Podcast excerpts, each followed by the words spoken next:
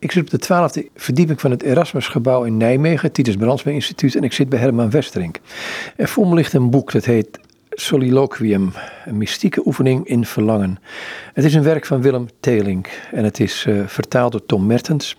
En de inleiding is van Herman Westerink, waar ik uh, mee ga spreken. Het is een mystieke tekst, uitgegeven in de serie Mystieke Teksten bij Benne Media en uitgeverij Halewijn in Antwerpen. In samenwerking met het Titus Brandsma Instituut, die onderzoek doet naar christelijke mystiek en spiritualiteit. Nou, ik eerst maar de hamvraag stellen. Ik heb niet helemaal gelezen, grote delen eruit gelezen. Um, het is een mystiek werk, het is een Calvinist. En dan denk ik, ja, daar staan al twee uitersten tegenover elkaar, lijkt het wel. Hè?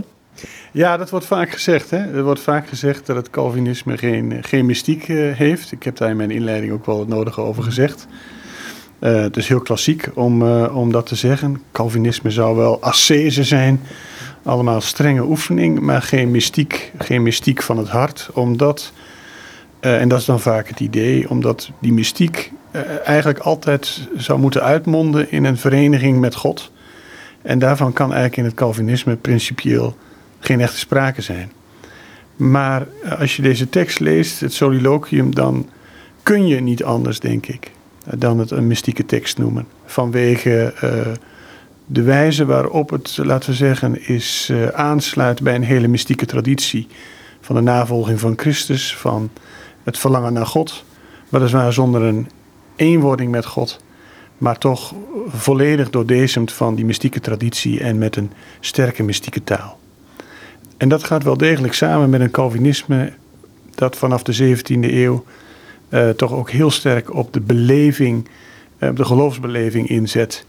Uh, de beleving van de liefde van Christus, de overgave aan Christus en dat soort elementen. Die Willem Telink, laten we daar eerst bij beginnen. Um, hij wordt geassocieerd met de nadere reformatie. Um, wie was hij? Ja, Willem Telink was, was een dominee. Um, de Calvinisten zijn bijna altijd dominees, zou ik bijna willen zeggen. Geboren in 1579 en gestorven in 1629. Geboren in Zierikzee, theologie gestudeerd.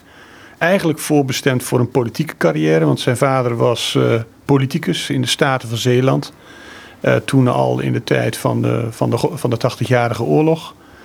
Omgekomen bij het beleg van Groningen, als ik me goed herinner. Maar een politicus en zijn zonen zouden ook politicus moeten worden.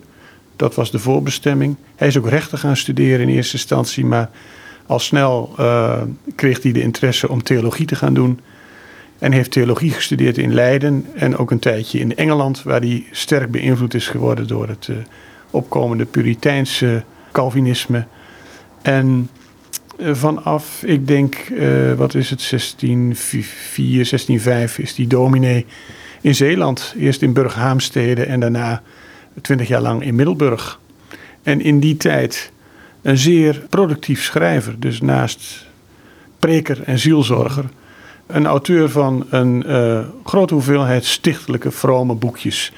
Uh, boekjes, soms inderdaad niet heel lang. Soms in de vorm van een soort kranten, een soort magazines, een soort pamfletten. En soms ook zeer lijvige, omvangrijke traktaten. Hij heeft ook een aantal ge, geuit tegen te veel shoppen. Zoals we het in onze huidige tijd zouden zeggen. Ja, misschien doe je nu op, uh, op, op een aantal teksten over die, die zich bezighouden met het gevaar van kermisbezoek. Of uh, toerisme naar katholieke gebieden. Dat is natuurlijk iets vreemds als je daaraan denkt. We zitten in de godsdienstoorlogen, dus protestanten en katholieken zijn strikt gescheiden. Maar dat is niet zo. Er zijn veel protestanten die, als het even kan, naar katholieke eh, gebieden gingen om, om, om toch bedevaarten te bekijken of kermissen te bezoeken. Of eh, uit nieuwsgierigheid misschien. Of misschien omdat ze er toch ook wel heimelijk een beetje naar eh, verlangden. Naar zo, dat soort rituelen of gebruiken of daar deels aan vasthielden. Daar is Telink wel een fervent tegenstander van. Dat zie je overigens wel meer in die tijd. Een goede Calvinist laat zich niet verleiden door, door katholieke poespas. En andersom is misschien ook wel, en andersom zal ook het geval zijn geweest. Dus dat is een van de dingen, maar dat is meer een soort aan de oppervlakte, een soort kritiek op, op, op verwatering en, en, en je inlaten met, met, met praktijken die, die niet de jouwe zijn of niet de jouwe zouden moeten zijn. Ja, tegelijkertijd was het wel iemand die zei van hé, hey, ik herken, nou laat ik de twee termen tegenover elkaar zetten, uh, de zichtbare en de onzichtbare kerk.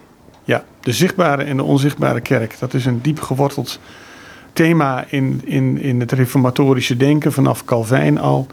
Dat de zichtbare kerk zoals we die kennen, de, de kerk waar je op zondag naartoe gaat, niet samenvalt met de ware gemeenschap van gelovigen. En dat levert allerlei problemen op. En voor Telink levert dat eigenlijk, is dat van belang in een zekere zin voor zijn ecumenisch perspectief. Uh, het betekent namelijk heel praktisch voor Telink dat hij ziet dat hij zich nooit kan laten inbinden in een bepaalde partij of stroming. Dus als voorbeeld, hij wordt op een moment gevraagd om door de contra-remonstranten, dus de rechtzinnige Calvinisten in Rotterdam, om zich te mengen in het, in het publieke debat met de remonstranten, dus de meer vrijzinnige stroming in Rotterdam. En hij wordt eigenlijk gevraagd om een pamflet te schrijven tegen die remonstranten. Maar dat doet hij niet. Hij schrijft een algemeen pamflet, zou je kunnen zeggen, dat oproept tot bekering voor iedereen eh, en aan iedereen gericht. Zowel remonstranten als contra-remonstranten. Omdat dat voor hem eigenlijk de sleutel is. Uh, laten we zeggen in, het, in, het, in de geloofsbeleving. Christus is gekomen voor, iedereen. God wil iedereen redden. En iedereen die het maar horen wil, hè, voor iedereen die het maar horen wil, is die boodschap bestemd. Of je nou remonstrant bent of contra-remonstrant. Dat doet eigenlijk niet ter zake, zou je kunnen zeggen. En de bekering of de wedergeboorte, zoals Teling zich dat voorstelt, is dus ook niet beperkt tot één specifieke groep. Het zijn altijd individuen die zich laten aanspreken, eh, die, zich, eh, die bekeerd worden, die wedergeboren worden, die daarna verlangen, eh, los van partijen of stromingen.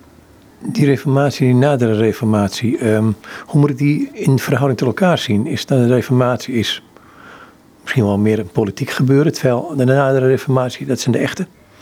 Nou, dat, zo zou ik het niet zien. zo zou ik het niet zien die reformatie zelf, als je de teksten van Luther en Calvijn leest bijvoorbeeld, eh, dan zie je toch ook heel duidelijk, zeker bij Luther, een hele sterke nadruk op geloofsbeleving. Een hele emotionele theologie eigenlijk ook vol van angst en hoop en vertrouwen in verlossing. Dus een heel sterk emotioneel element zit daar ook in. Bij Calvijn is dat misschien wat minder. Die reformatie in de context van die godsdienstoorlogen wordt natuurlijk heel snel verbonden met politieke partijvorming en, en, met, en met politiek en met burgeroorlog verbonden en met macht van koningen en heersers en vorsten. Dat is zeker waar. De nadere reformatie is eigenlijk een beweging die vooral uh, zich ontwikkelt vanuit de theologie en vanuit een soort gewonnen stabiliteit. We hebben de beleidenis, geloofsbeleidenissen geformuleerd. We hebben een zekere overeenstemming gevonden over wat de belangrijkste theologische dogma's zijn. We hebben een min of meer stabiele politieke situatie in Nederland. Min of meer, zeg ik erbij. En nu is het eigenlijk toch wel vooral tijd dat de mensen ook dat geloof wat ze beleiden en wat ze voor waar aannemen, ook echt gaan beleven en echt gaan voelen. Hoe kreeg het gestalte? Want um, ik kan me voorstellen dat um, het ook op weerstand of op, op kan, of het kan weerstand uitlokken. Ja, uh, dat kan zeker weerstand uitroepen, oproepen. Want, want we kennen natuurlijk die nadere reformatie wel als een van de belangrijkste en invloedrijkste stromingen binnen het Calvinisme in de 17e eeuw. En daarna ook, 18e eeuw ook nog wel. Maar het heeft, als je, het, als je uitzoomt, zou je kunnen zeggen, het heeft het niet gered. Het heeft niet gewonnen. Mm uh, en dat is inderdaad omdat er vanaf het begin heel veel weerstand is geweest tegen een te orthodoxe lijn in het Calvinisme in Nederland. Die weerstand was breed aanwezig in de samenleving. Je moet ook een beetje denken aan de Gouden Eeuw, de context. Het gaat de burgers eigenlijk wel goed. Uh, ze hebben misschien ook nog wel wat anders aan hun hoofd dan alleen maar orthodox Calvinisme. Dat zonder besef, ja, als het je goed gaat, dan wil dat nooit zo vlotten, zo gezegd. Maar er is ook een noodzaak aan politieke stabiliteit waarin laten we zeggen, de eerste poldermodellen toch al ontwikkeld zijn. Je moet toch zoveel mogelijk de verschillende partijen wel om de tafel houden. Dus te extreme posities, dat gaat eigenlijk niet. En je ziet bij die nadere reformatoren vanaf Telink wel telkens dat ze een oproep doen aan de hele bevolking en aan alle politieke machten die aanwezig zijn. Vaak zijn de teksten van Telink en anderen ook opgedragen aan de lokale of regionale of landelijke uh, bestuursorganen. Maar ze hebben nooit echt hun programma, voor zover dat bestond, kunnen doorzetten. Ze hebben wel eens de hoop gehad. Hè? Het belangrijkste moment was misschien 1672. Dat was natuurlijk na de dood van Telink. Maar dat rampjaar, hè, dan worden de gebroeders de Wit uh, uit de weg geruimd. Dan komt de, uh, de stadhouder van Oranje terug. En dat is een moment waarop een aantal voormannen van die nadere reformatie denken... en nu is onze tijd gekomen. Nu kunnen wij misschien onze idealen doorzetten. Maar dat gebeurt ook niet.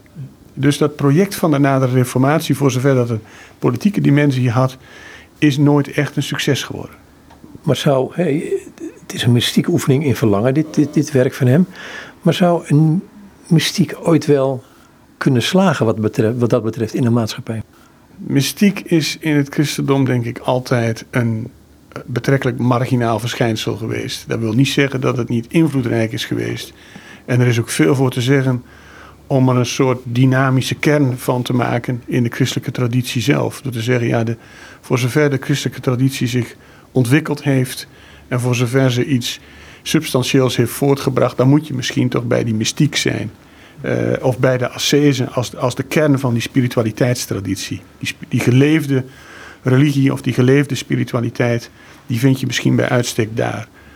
Maar daarmee is niet gezegd dat het de massa's heeft bereikt. Het is natuurlijk altijd een betrekkelijk, tegelijkertijd betrekkelijk marginaal verschijnsel geweest van enkelingen.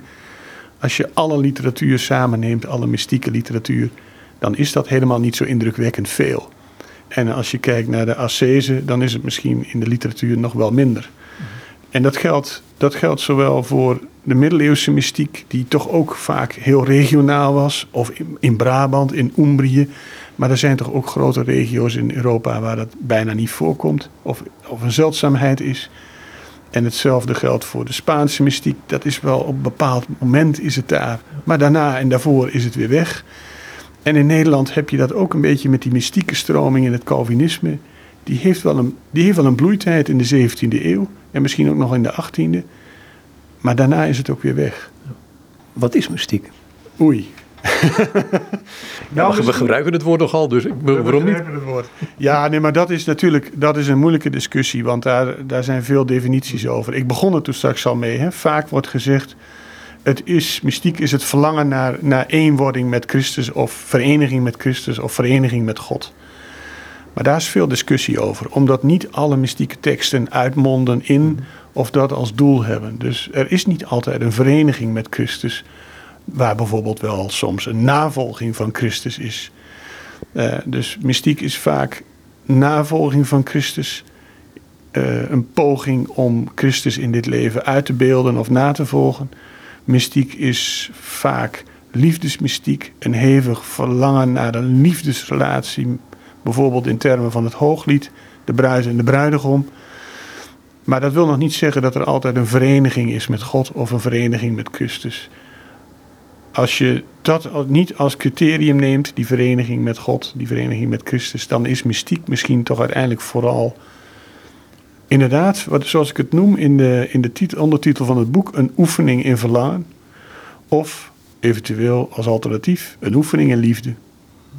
Ik denk dat die twee de mogelijkheden zijn.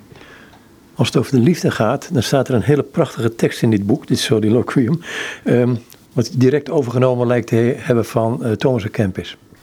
Ja, dit, dit, kijk, die mystiek van deze tekst van, van uh, Telink staat in een traditie. En dat is heel duidelijk bij Telink het geval. Uh, hij noemt zijn tekst soliloquium, hij geeft het een Latijnse titel.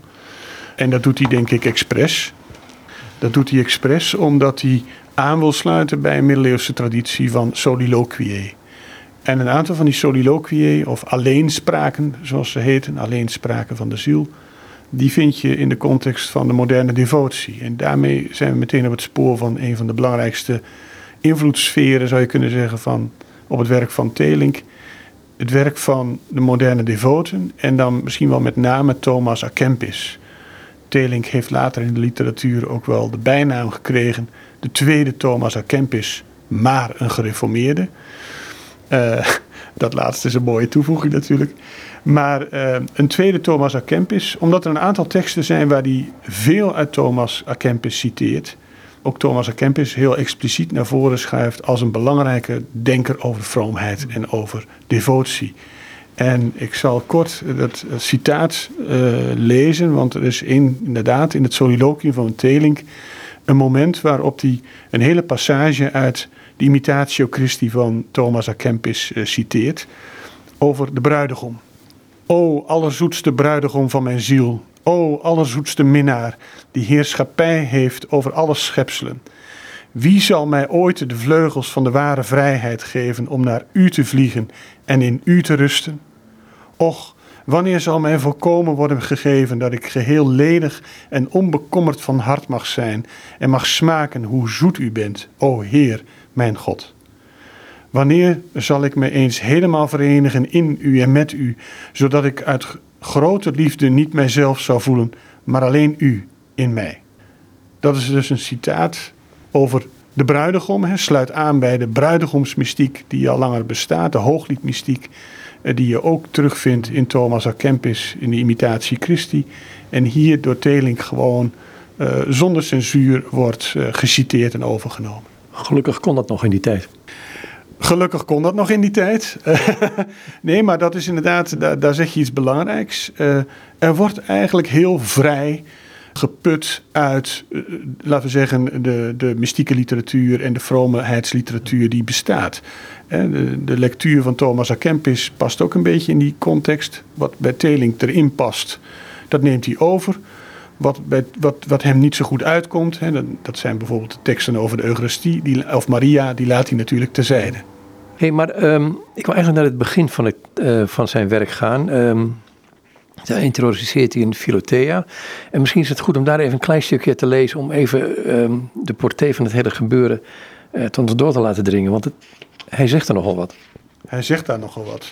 Ja, dit, het, de tekst begint eigenlijk met een soort korte uh, situatieschets, zou je kunnen zeggen. Telink die, die zichzelf daar presenteert als, als de dominee, die een pastoraal gesprek heeft met ene Philothea. Dat is natuurlijk een verzonnen figuur, of in ieder geval een verzonnen naam.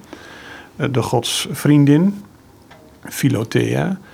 En daarmee is eigenlijk wel duidelijk wat de setting is. De setting is pastoraal. Die speelt zich af, fictief of niet fictief, in de gemeente van Middelburg, waar, uh, waar Teling predikant is. En daar legt deze mevrouw haar probleem op tafel. De tekst begint als volgt. Ooit vertelde mij een uitverkoren vrouw dat zij als volgt gebracht was tot de overweging van de wedergeboorte. Ze was in een diep gepeins verzonken geraakt hoe de zaligmaker van de wereld zelf tot zijn volk zegt dat weinigen onder hen zalig zouden worden. En daaruit maakte zij op dat die weinigen die zalig zouden worden wel een bijzonder volk moesten zijn, verheven boven de rest. En dat trof haar. En zo dacht zij verder: Ik heb tot nu toe verondersteld dat ik zalig zou worden, maar welke zekerheid heb ik daarover? Wat is er dan bijzonder aan mij boven het gewone slag mensen, waardoor ik er zeker van zou kunnen zijn dat ik een van die weinigen ben? Ik leid een gewoon leven, zoals de grote massa van het volk. Ik zou wel zalig willen worden, maar zij ook. Ik gedraag me fatsoenlijk, maar de grote massa van het volk doet dat ook. Losbollen en lichtzinnige mensen zijn er maar weinig in vergelijking met degenen die een fatsoenlijk leven leiden. Ik ben oprecht in mijn handelen, maar anderen zijn dat ook jegens mij.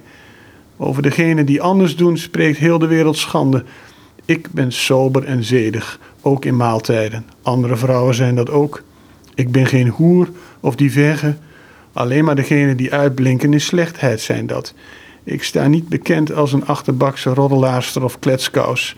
Veel gewone, fatsoenlijke dames zijn dat ook niet. Ik ga naar de kerk, ik lees een hoofdstuk uit de Bijbel, ik zing een psalm. Anderen doen dat ook op het gepaste moment. Wat maakt mij dan bijzonder in vergelijking met die andere mensen? Zodat ik er zeker van zou kunnen zijn dat ik een van die weinigen ben die zalig zou kunnen worden. Deze troebele gedachten overdacht zij innerlijk. En God de Heer had vreedzame gedachten over haar. En die laatste zin die is prachtig, vind ik. Ja, die laatste zin is prachtig. Hè? Dus zij heeft allerlei troebele gedachten. Zij maakt zich grote zorgen. Zij stelt een vraag. En Teling suggereert hier eigenlijk... Hij kondigt haar natuurlijk al aan als uitverkoren vrouw. Zij is eigenlijk al uitverkoren zonder dat ze het wist. En God had al gedachten over haar, nog voordat zij in de gaten had dat God die gedachten over haar had. Die gedachten zijn voor haar troebel, maar voor God en vanuit Gods perspectief zijn het eigenlijk al vreedzame gedachten, die in de richting gaan van haar wedergeboorte en haar bekering. Is dit niet een van de, een van de aspecten van de mystiek, ik kom er toch op terug, ehm, die heel wezenlijk kunnen zijn, maar corrigeer me als het niet zo is, ehm, dat het niet zo zeer gaat bij de mystiek om hoe ik over mijzelf denk, als wel hoe God over mij denkt. Ja, ik denk dat dat goed gezegd is. Ik denk inderdaad, dat komt hier heel sterk naar voren ook. En dat is misschien inderdaad wel typisch voor de mystiek. Dus het element van de verborgenheid. God werkt in het verborgene. Dus misschien heb je het zelf nog niet in de gaten. Maar werkt God al in jou? Dat is hier ook de suggestie. God is eigenlijk al bezig met zijn genade in haar hart te druppelen. Zou Teling kunnen zeggen. Nog voordat ze het in de gaten heeft. Maar die druppels nemen de gestalte aan van troebele gedachten die, die mij betreffen. En zolang ik bezig ben met mij en met mijn belangen en met mijn interesses en behoeften, ja, dan, dan ben ik er nog niet. Ik moet inderdaad, als het ware, een soort perspectiefwisseling maken en mezelf vanuit het perspectief van God gaan zien. In een zekere zin speelt dat hier, denk ik, ook een hele duidelijke rol. Dus die verborgenheid en die wisseling van perspectief. Maar misschien gaat het niet om mij. Misschien moet ik mijzelf eerst maar eens helemaal leegmaken. En dan, dan ontstaat er een ander perspectief. Namelijk iets dat mij redt, iemand die mij verlost. Hoe beschrijft Teling die weg in, in de volgende hoofdstukken? Want um, maak het even in mijn eigen woorden zeggen. Ik werd er niet vrolijk van toen ik het las. Nee, je wordt er niet vrolijk van. Zeker de eerste hoofdstukken niet.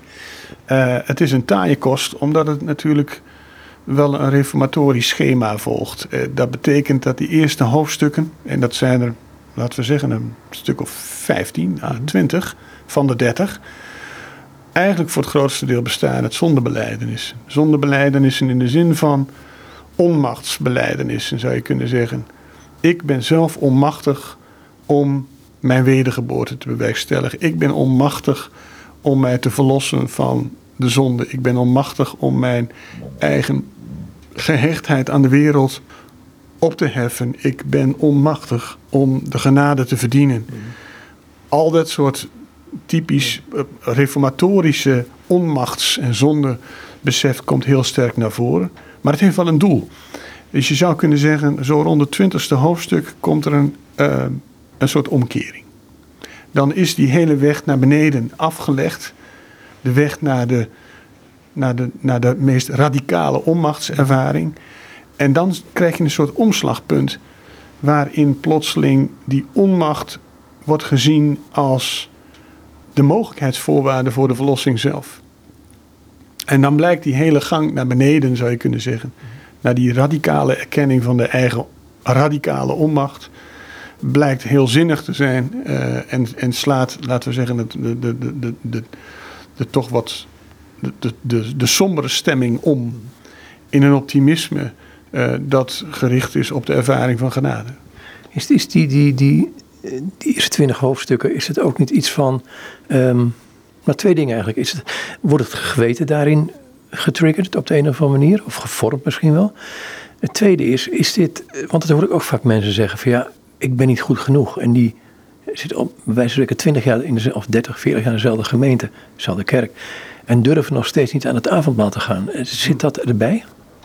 Ja en, en, en nee. Dus het eerste over dat geweten. Ja, ik denk dat dat een belangrijke rol speelt. Uh, die gewetensfunctie. Dus vooral in het begin van het boek. Dat het eigenlijk de stem van het geweten is, zou je kunnen zeggen. Die hier de persoon gaat aanjagen. Om, uh, ja, om toch uiteindelijk God te zoeken. Dus dat, die gewetensfunctie is hier, is hier belangrijk. Het tweede punt ik denk zeker niet dat het uh, hoort bij het wensenpakket van Telink dat je mensen hebt die uh, een heel leven lang niet aan het avondmaal deelnemen. Integendeel, hij heeft ook een heel mooi boek over het avondmaal geschreven trouwens, dat heel mooi aansluit bij de traditie ook van, uh, van Ruusbroek en van een middeleeuws mystieke literatuur over, over de Eucharistie en het avondmaal. Maar hij vindt wel degelijk dat zoveel mogelijk mensen zich geroepen zouden moeten voelen. En hij vindt ook wel dat het avondmaal echt wel iets is dat beleefd moet worden. Dus je vindt bij Telink niet zoiets als de avondmaalsmijding. Dat is wel een traditie die ontstaan is natuurlijk. En die misschien voor een deel in zijn tijd ook al echt wel bestond. Er bestond immers al een avondmaalscensuur. Hè, dat, dat, dat als je misdragen had niet mee mocht doen aan het avondmaal enzovoorts. Dat bestond al wel. Maar Telink is, is, is niet iemand die die vindt dat mensen dat geloof zo zwaar moeten nemen, ondanks dat de tekst zich misschien anders laat leven, zo zwaar moet, uh, het leven zo zwaar moeten nemen, dat ze niet meer in staat zouden zijn om deel te nemen bijvoorbeeld aan een avondmaal. Dat zouden ze juist wel moeten doen. Want dat is tenslotte de plek waar je Christus ontmoet. Dat was voor hem evident. Ja, dat was voor hem zeker evident. Natuurlijk, Christus ontmoeten, dan is altijd de vraag in welke hoedanigheid en op welke manier. Maar voor hem is het avondmaal inderdaad een, een ontmoeting met, met Christus in een soort dubbele gestalte. Het is, het is de bruidegom. Dus het is een liefdesmaal. En het is tegelijkertijd de ontmoeting met de gekruisigde. Uh, met de gekruisigde verlosser. Dus, het is de, dus het, dat, avondmaal voor, voor, voor heeft een, hele, heeft een hele geladen betekenis. Je ontmoet er de bruidegom en de gekruisigde in één persoon. En is om die reden ook zo ontzettend belangrijk voor hem. Is dat een, een moeilijk behapbare voor ons in deze tijd?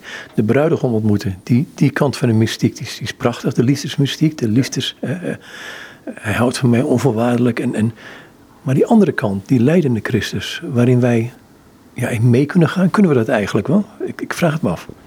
Ja, dat is, dat is, een, dat is een goede vraag. Omdat uh, ook, uh, wij merken hier in het TBI ook wel vaak als we teksten, mystieke teksten lezen met studenten, dat die liefdesmystiek altijd meer aanspreekt dan, laten we zeggen, die kruismystiek kant, de kant van het lijden. Maar het is wel belangrijk om te zien wat uh, die liefde betekent.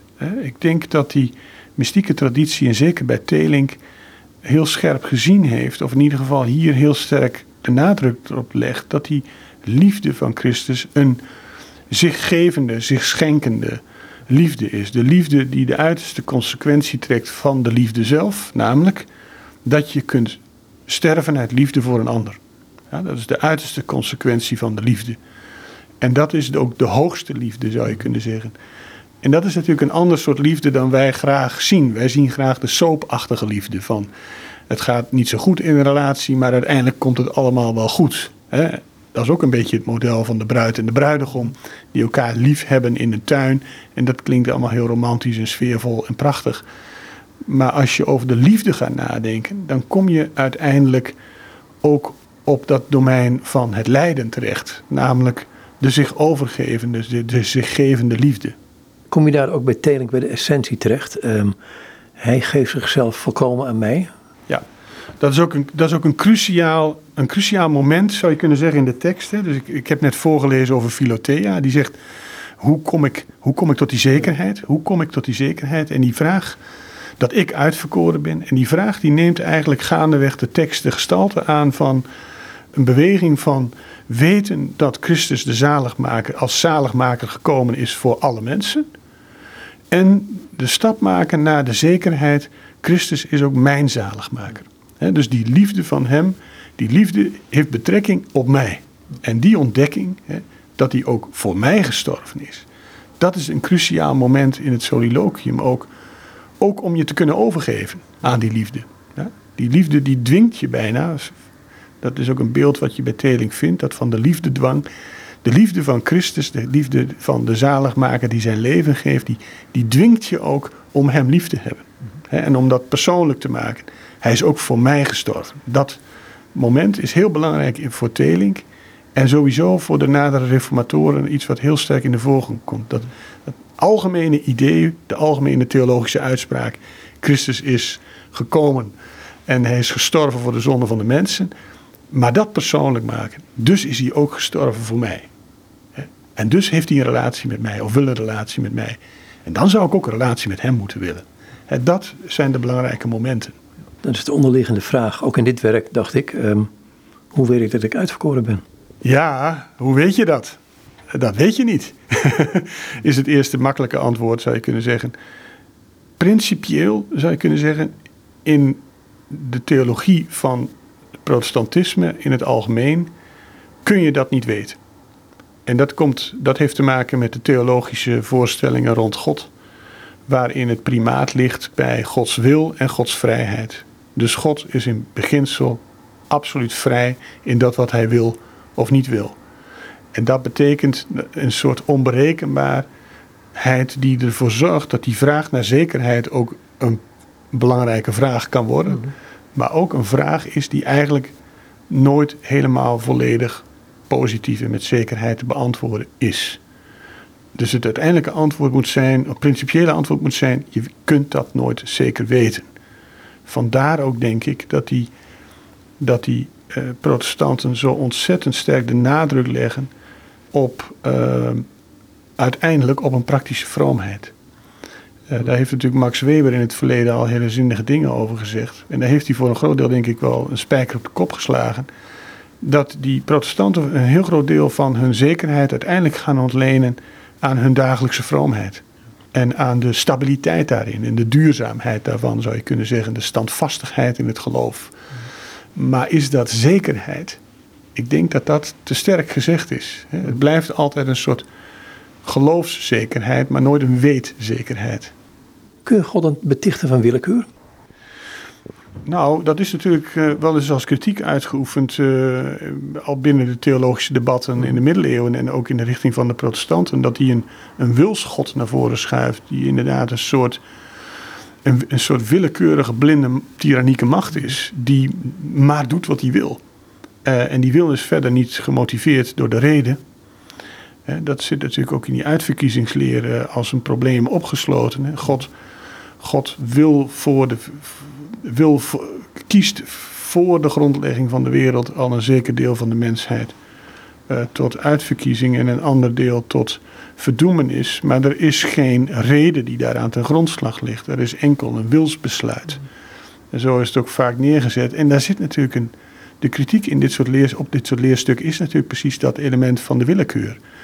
Dat zit opgesloten in het soort theologie. Dus in zo'n theologie die de vrijheid en de wilsactiviteiten van God uh, benadrukt tegenover een God die redelijk is, maar daarmee misschien voor een deel ook wel zich afhankelijk maakt van menselijk handelen. Dat was altijd het grote probleem. Hè? Dat uh, God uiteraard de goede werken beloont van mensen, betekent natuurlijk niks anders dan dat God zijn besluiten laat afhangen van het menselijk handelen. En dat was het grote probleem in de middeleeuwen al, in de theologie en voor de reformatoren ook. Ja, maar dat kan niet. Want God kan, zijn handelen kan nooit afhankelijk zijn van ons. En het kan ook niet afhankelijk zijn van, van algemene principes waar hij zich aan houdt. Want als hij, dat, als hij dat zou doen, ja, dan is hij beknot in zijn vrijheid. En in zijn vrije wilsactiviteit.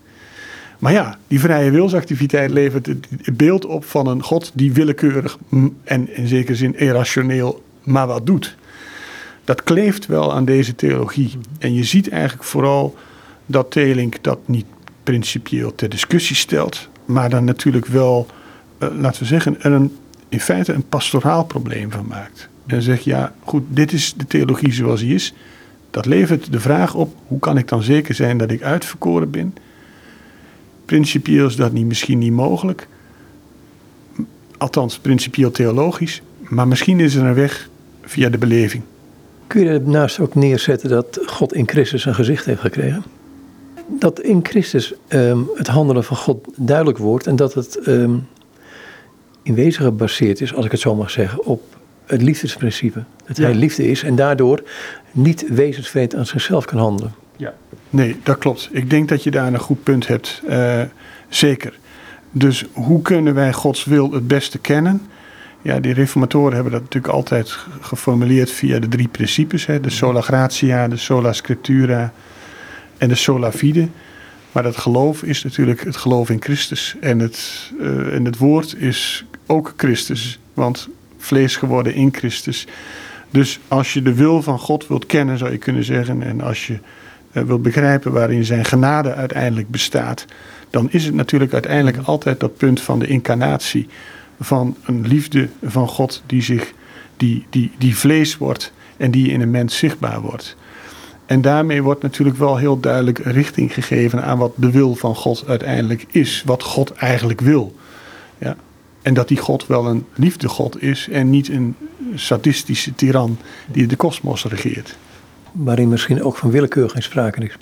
Waarvan dan ook niet meer van willekeur sprake is, maar waarbij het probleem dan natuurlijk wordt: ja, wie deelt in die liefde? En wie wil die liefde aannemen? Dat wordt dan het probleem. En dan zijn we wel weer terug bij het probleem van de, van de zekerheid. Ja, het liefde laten zich niet dwingen. Liefde laat zich niet dwingen, ondanks het feit dat Telink wel spreekt over liefdedwang. Dus mhm. in een zekere zin zit hij wel op een spoor waarin je zou kunnen zeggen: ja, maar die, die liefde van Christus is, heeft wel een zo dwingend karakter dat je haast niet anders kan dan daar ook met liefde op responderen. Zo, zo naar een stuk tekst gaan weer. Ehm, misschien is het goed om, om uh, want wat is, het omslagpunt zit ergens rond, rond uh, eh, 20e hoofdstuk, maar misschien wel later. Um, hoofdstuk 29, zo een paar van die stukjes uit 29 en 30 pakken. Om gewoon eens te lezen, om de smaak even te pakken te krijgen. Of even de smaak te pakken te krijgen. Ja, dat is, uh, dat is goed. Uh, ja, wat een belangrijk, wat een belangrijk moment is in, uh, in de tekst zelf, 30 hoofdstukken, is dus zo rond hoofdstuk 19 en 20, waar de godzoekende zondaar probeert de, de, de leer van de predestinatie overdenkt en doordenkt maar vooral ook doorleeft. Ehm, dat is eigenlijk het moment waarop de zondaar tot het meest diepe besef komt dat hij zichzelf op geen enkele manier kan redden en verlossen. En dan krijg je passages zoals uh, dit. Ik lees even een stukje voor uit het 19e hoofdstuk. Och Heer, maak daarom uw genade en kracht groot in mij, uw arm schepsel. Verhoor mij, Heer, want uw goede tierenheid is vertroostend. Keer u tot mij overeenkomstig uw grote barmhartigheid en verberg uw aangezicht niet voor mij, want het is mij bang te moede. Ja, Heer, breng de uitzonderlijke omvang van uw kracht tevoorschijn, uit de uitzonderlijke grote rijkdom van uw genade, en trek mij, ellendige verloren zondaar, voordat het gat van de kuil zich boven mij sluit, uit de afschuwelijke kuil en uit de valstrik van deze verwarring. Zet mijn voeten op een rots, zodat ik met vaste voet kan stappen. Het is het soort taal dat helemaal past bij deze doorleving, zou je kunnen zeggen, van de predestinatie, de radicale onmacht. Je krijgt beelden over: ik zit in een moeras, ik zink weg, ik lig in een graf, ik ben eigenlijk dood, ik lig in een kuil, ik zit in de put. Beelden uit, uit Job, zou je kunnen zeggen, die naar voren komen. Uh, in de diepste ellende, in de diepste vertwijfeling. Maar natuurlijk, dat moment van de diepste vertwijfeling is ook de voorwaarde voor de ervaring van een verlossing überhaupt. Namelijk de verlossing als ik moet, ik kan mijzelf niet verlossen. De verlossing moet komen van de zaligmaker. De radicale overgave dus ook.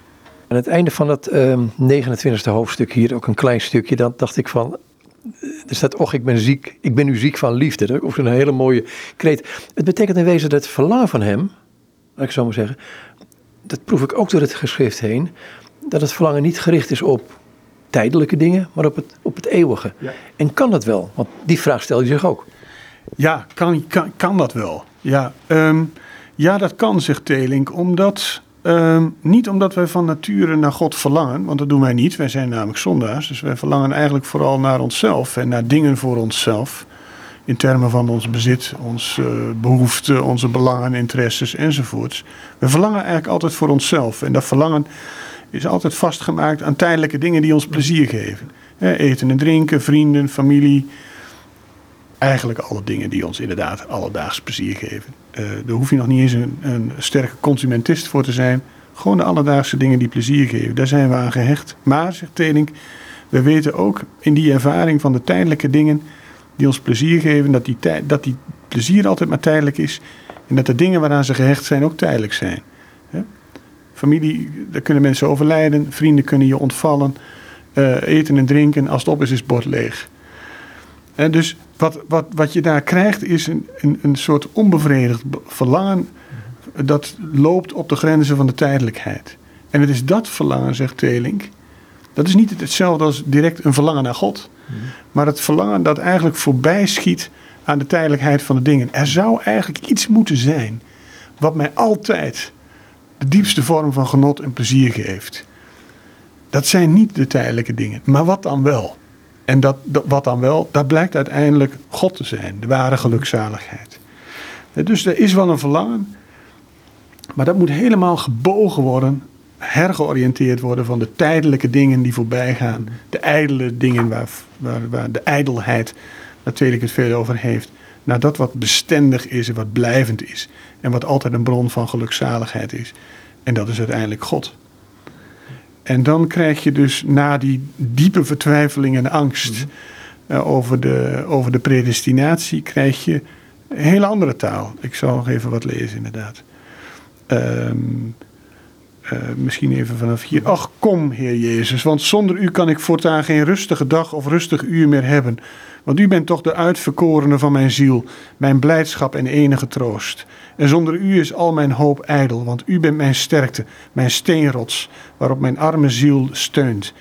Ik laat alle andere mensen alle andere dingen zoeken dan u, maar mij mag u en zal voortaan niets anders behagen dan u alleen, mijn God, mijn hoop en mijn eeuwige zaligheid. Och, ik ben u ziek van liefde. Omhels mij met uw armen, laaf mij met uw appelen. Kom, Heer Jezus, ja, kom snel. Amen, zo zei het. Amen.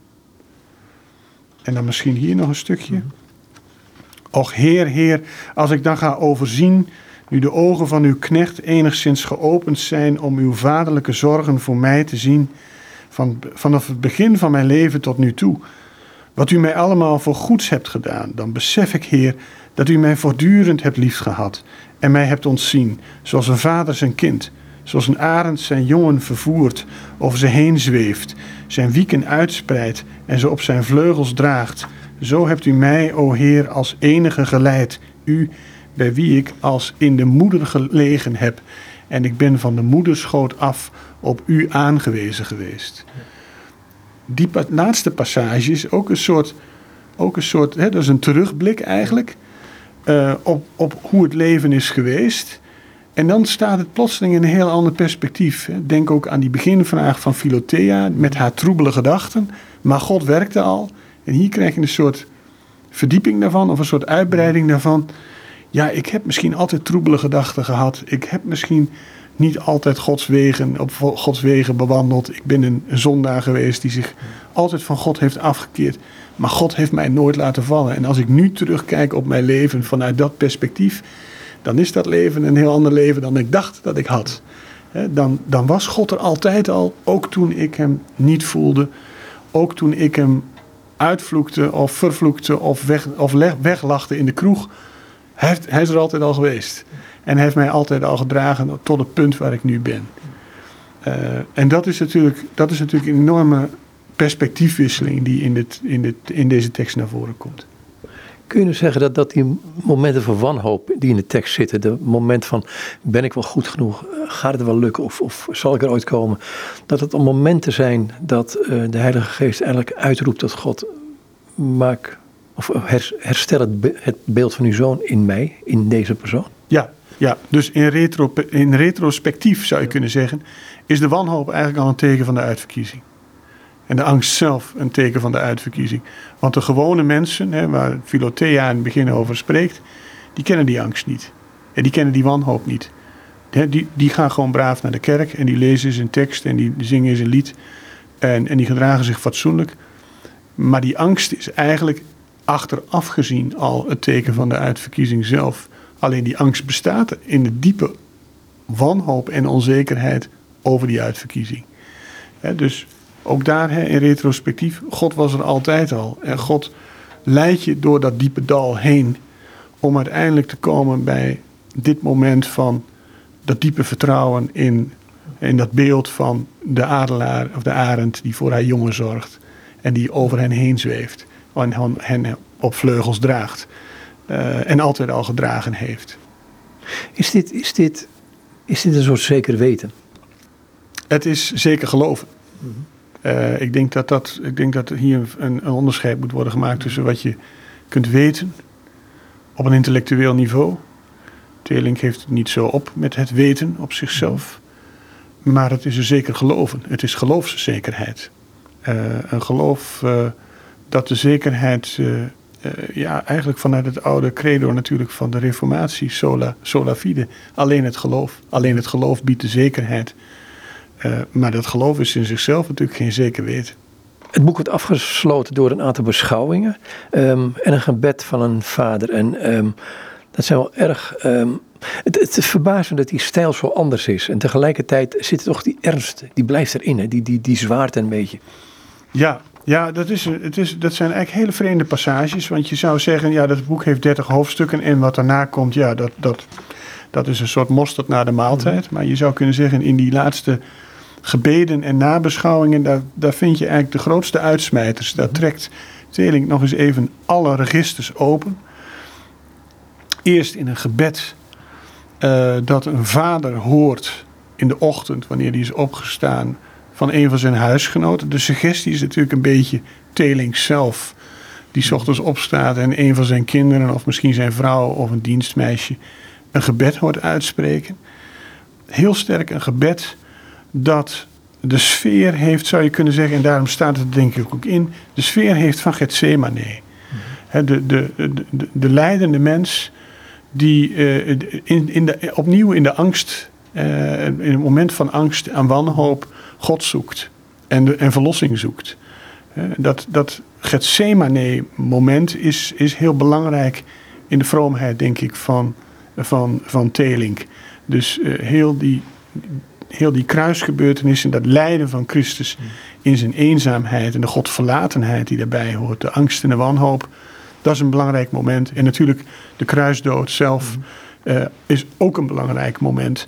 eh, om, om te laten zien hoe, hoe groot die liefde en die zichgevende liefde van Christus is geweest. Dat hij zelfs helemaal, zelf helemaal door de eenzaamheid heen gaat en, en zich wanhopig afvraagt of hij, als hij sterft, überhaupt wel voor iemand sterft.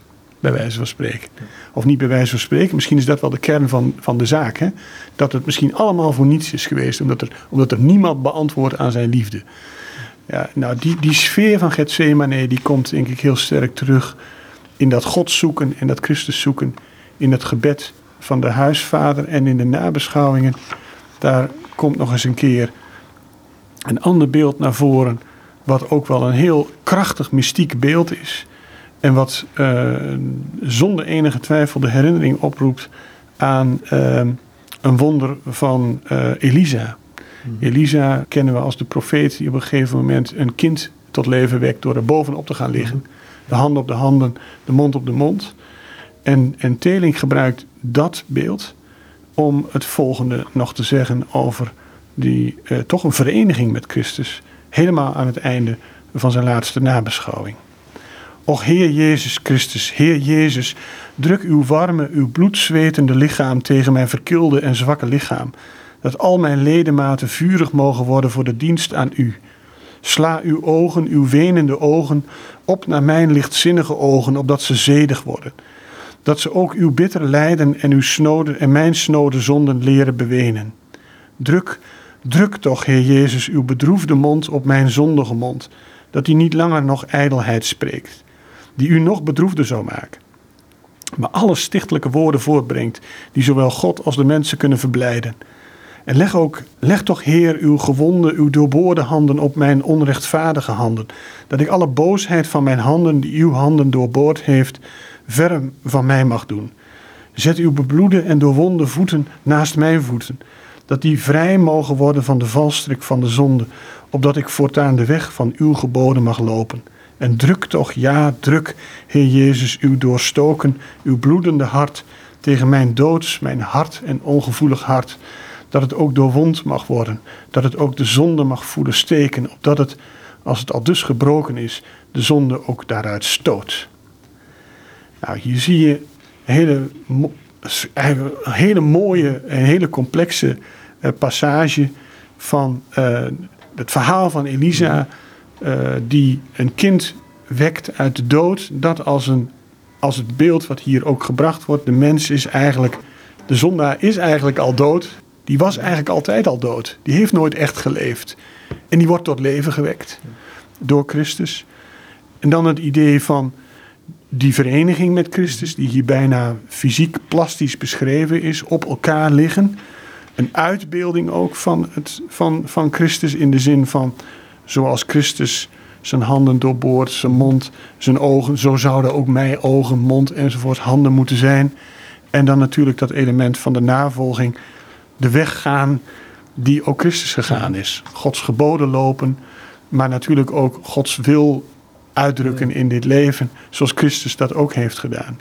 Dus een hele complexe passage waar hij eigenlijk heel die mystieke taal van Teling nog eens heel gebald en geconcentreerd samenkomt. Door de dood heen gaan, uit de dood naar een nieuw leven, de navolging, de uitbeelding van Christus. Maar in, in zeer reformatorische taal gezet. Ja, uh, hoewel dit misschien, ik weet helemaal niet zeker of dit per se, per se alleen maar reformatorische taal is. Hè. Het sluit wel heel erg aan, ook natuurlijk bij de beelden die in, in de middeleeuwse mystiek ook bestaan, in de, in de kruismystiek. Maar dat beeld van, uh, van de vereniging met Christus als die van, uh, gemodelleerd naar dat van het verhaal van Elisa, met die, die een kind opwekt uit de dood, moet ik eerlijk zeggen, dat ken ik zo niet. Nee. En daar zit toch iets van, uh, en natuurlijk die nadruk op Gods wil doen, hè, de geboden volgen, een, een, een, een goed vroom leven leiden, uh, dat als een opdracht zien. Ja, misschien zijn dat wel de, dan wel de typische reformatorische punten. Ja. Maar ik ook het, hele, het, het, taalgebruik van het hele werk is, is, het is zwaar aangezet. En als, ik, als ik uh, Roesboek lees of Therese van Avila, dan denk ik, mo. Ja, kijk zeker, kijk zeker Teresa van Avila, die natuurlijk, uh, als je het daarmee vergelijkt, is het inderdaad iets in de stijl iets heel anders. Mm -hmm. Want daar heb je natuurlijk al die fantastische elementen, hè, dat ze door haar ziel loopt en fonteinen ziet en hagetissen en vlinders en, mm -hmm. en, en, en watertjes en bomen. En dat is allemaal prachtig. Als ze door haar ziel loopt, is het eigenlijk een prachtig landschap een beetje Alice in Wonderland verdwaald. Ja, maar er zit nog iets anders in. Hè? Als je dit zo zegt, dit, nee, dat heb je hier zeker niet. Maar er is nog iets anders in. Dat is het feit dat, dat in haar ziel een plek is waar God woont. Ja, dat vind je hier zeker niet. Nee, dat is, dat is hier, ik, ik begon daar eigenlijk ook al mee. Hè? Dat is in het Calvinisme eigenlijk principieel ondenkbaar. Dat onze ziel een zetel of, uh, zou kunnen zijn voor God. Of in het midden een kamer heeft waar God zou kunnen wonen het Calvinisme denkt, de relatie met God altijd uh, op een andere wijze als een, als een geloofsrelatie. Uh, intern, extern. Uh, maar nooit in die verenigende mystieke taal zoals Teresa die wel heeft. Dat als je in het diepst van je ziel afdaalt, dat je daar God zou kunnen vinden. Als de Calvinist in het diepst van zijn ziel afdaalt, dan vindt hij daar, ben ik bang, niet heel veel goeds. Daar zouden we nog eindeloos over door kunnen gaan. Maar goed, dat is buiten, buiten de, de, de, het bestek van dit gesprek. Um, Tegelink, waarom zou ik dit boek moeten lezen? Als je nou in één of twee zinnetjes kan neerzetten. Want het, ik vind het een kostelijk werk, moet ik zeggen. Afgezien van een aantal dingen dat ik denk van jongens, um, het is wel zwaar aangezet, maar toch. Nou nee, het is, het, is, het, is, het, is, het, is, het is goed vertaald. Dus het is zeker leesbaar. Het is taai, dat geef ik toe. Maar het is tegelijkertijd uiteindelijk een werkelijk schitterende mystieke tekst. Ja. En dat is omzo verrassend als je bedenkt dat we eigenlijk in het Calvinisme niet zo heel veel schitterende mystieke teksten hebben. Mm -hmm. Maar dit, deze tekst laat zien dat een Calvinistische mystiek kan bestaan en dat die van een fantastische kwaliteit is. Ja. En het verlangen, dat is wezenlijk. Dat verlangen is wezenlijk. Dat verlangen, hè, dat verlangen naar de ware gelukzaligheid, uh, de ervaring dat de de gewone dingen uit ons dagelijks leven die, die gelukzaligheid niet kunnen bieden, dat die daarin tekortschieten, dat dat uiteindelijk ijdelheid is. En dan uh, dat verlangen uiteindelijk te richten, te heroriënteren op Christus en God, dat is de, de grote lijn door die tekst heen. Goed voor het hier wel laten, dankjewel. Graag gedaan. En dit zei Herman Westerink. En met hem was ik in gesprek over het soliloquium, een mystieke oefening in verlangen. Een boek van Willem Teling, een nieuwe vertaling van Tom Mertens. Het is uitgegeven in de serie Mystieke Teksten bij Benne Media en uitgeverij Halewijn in Antwerpen.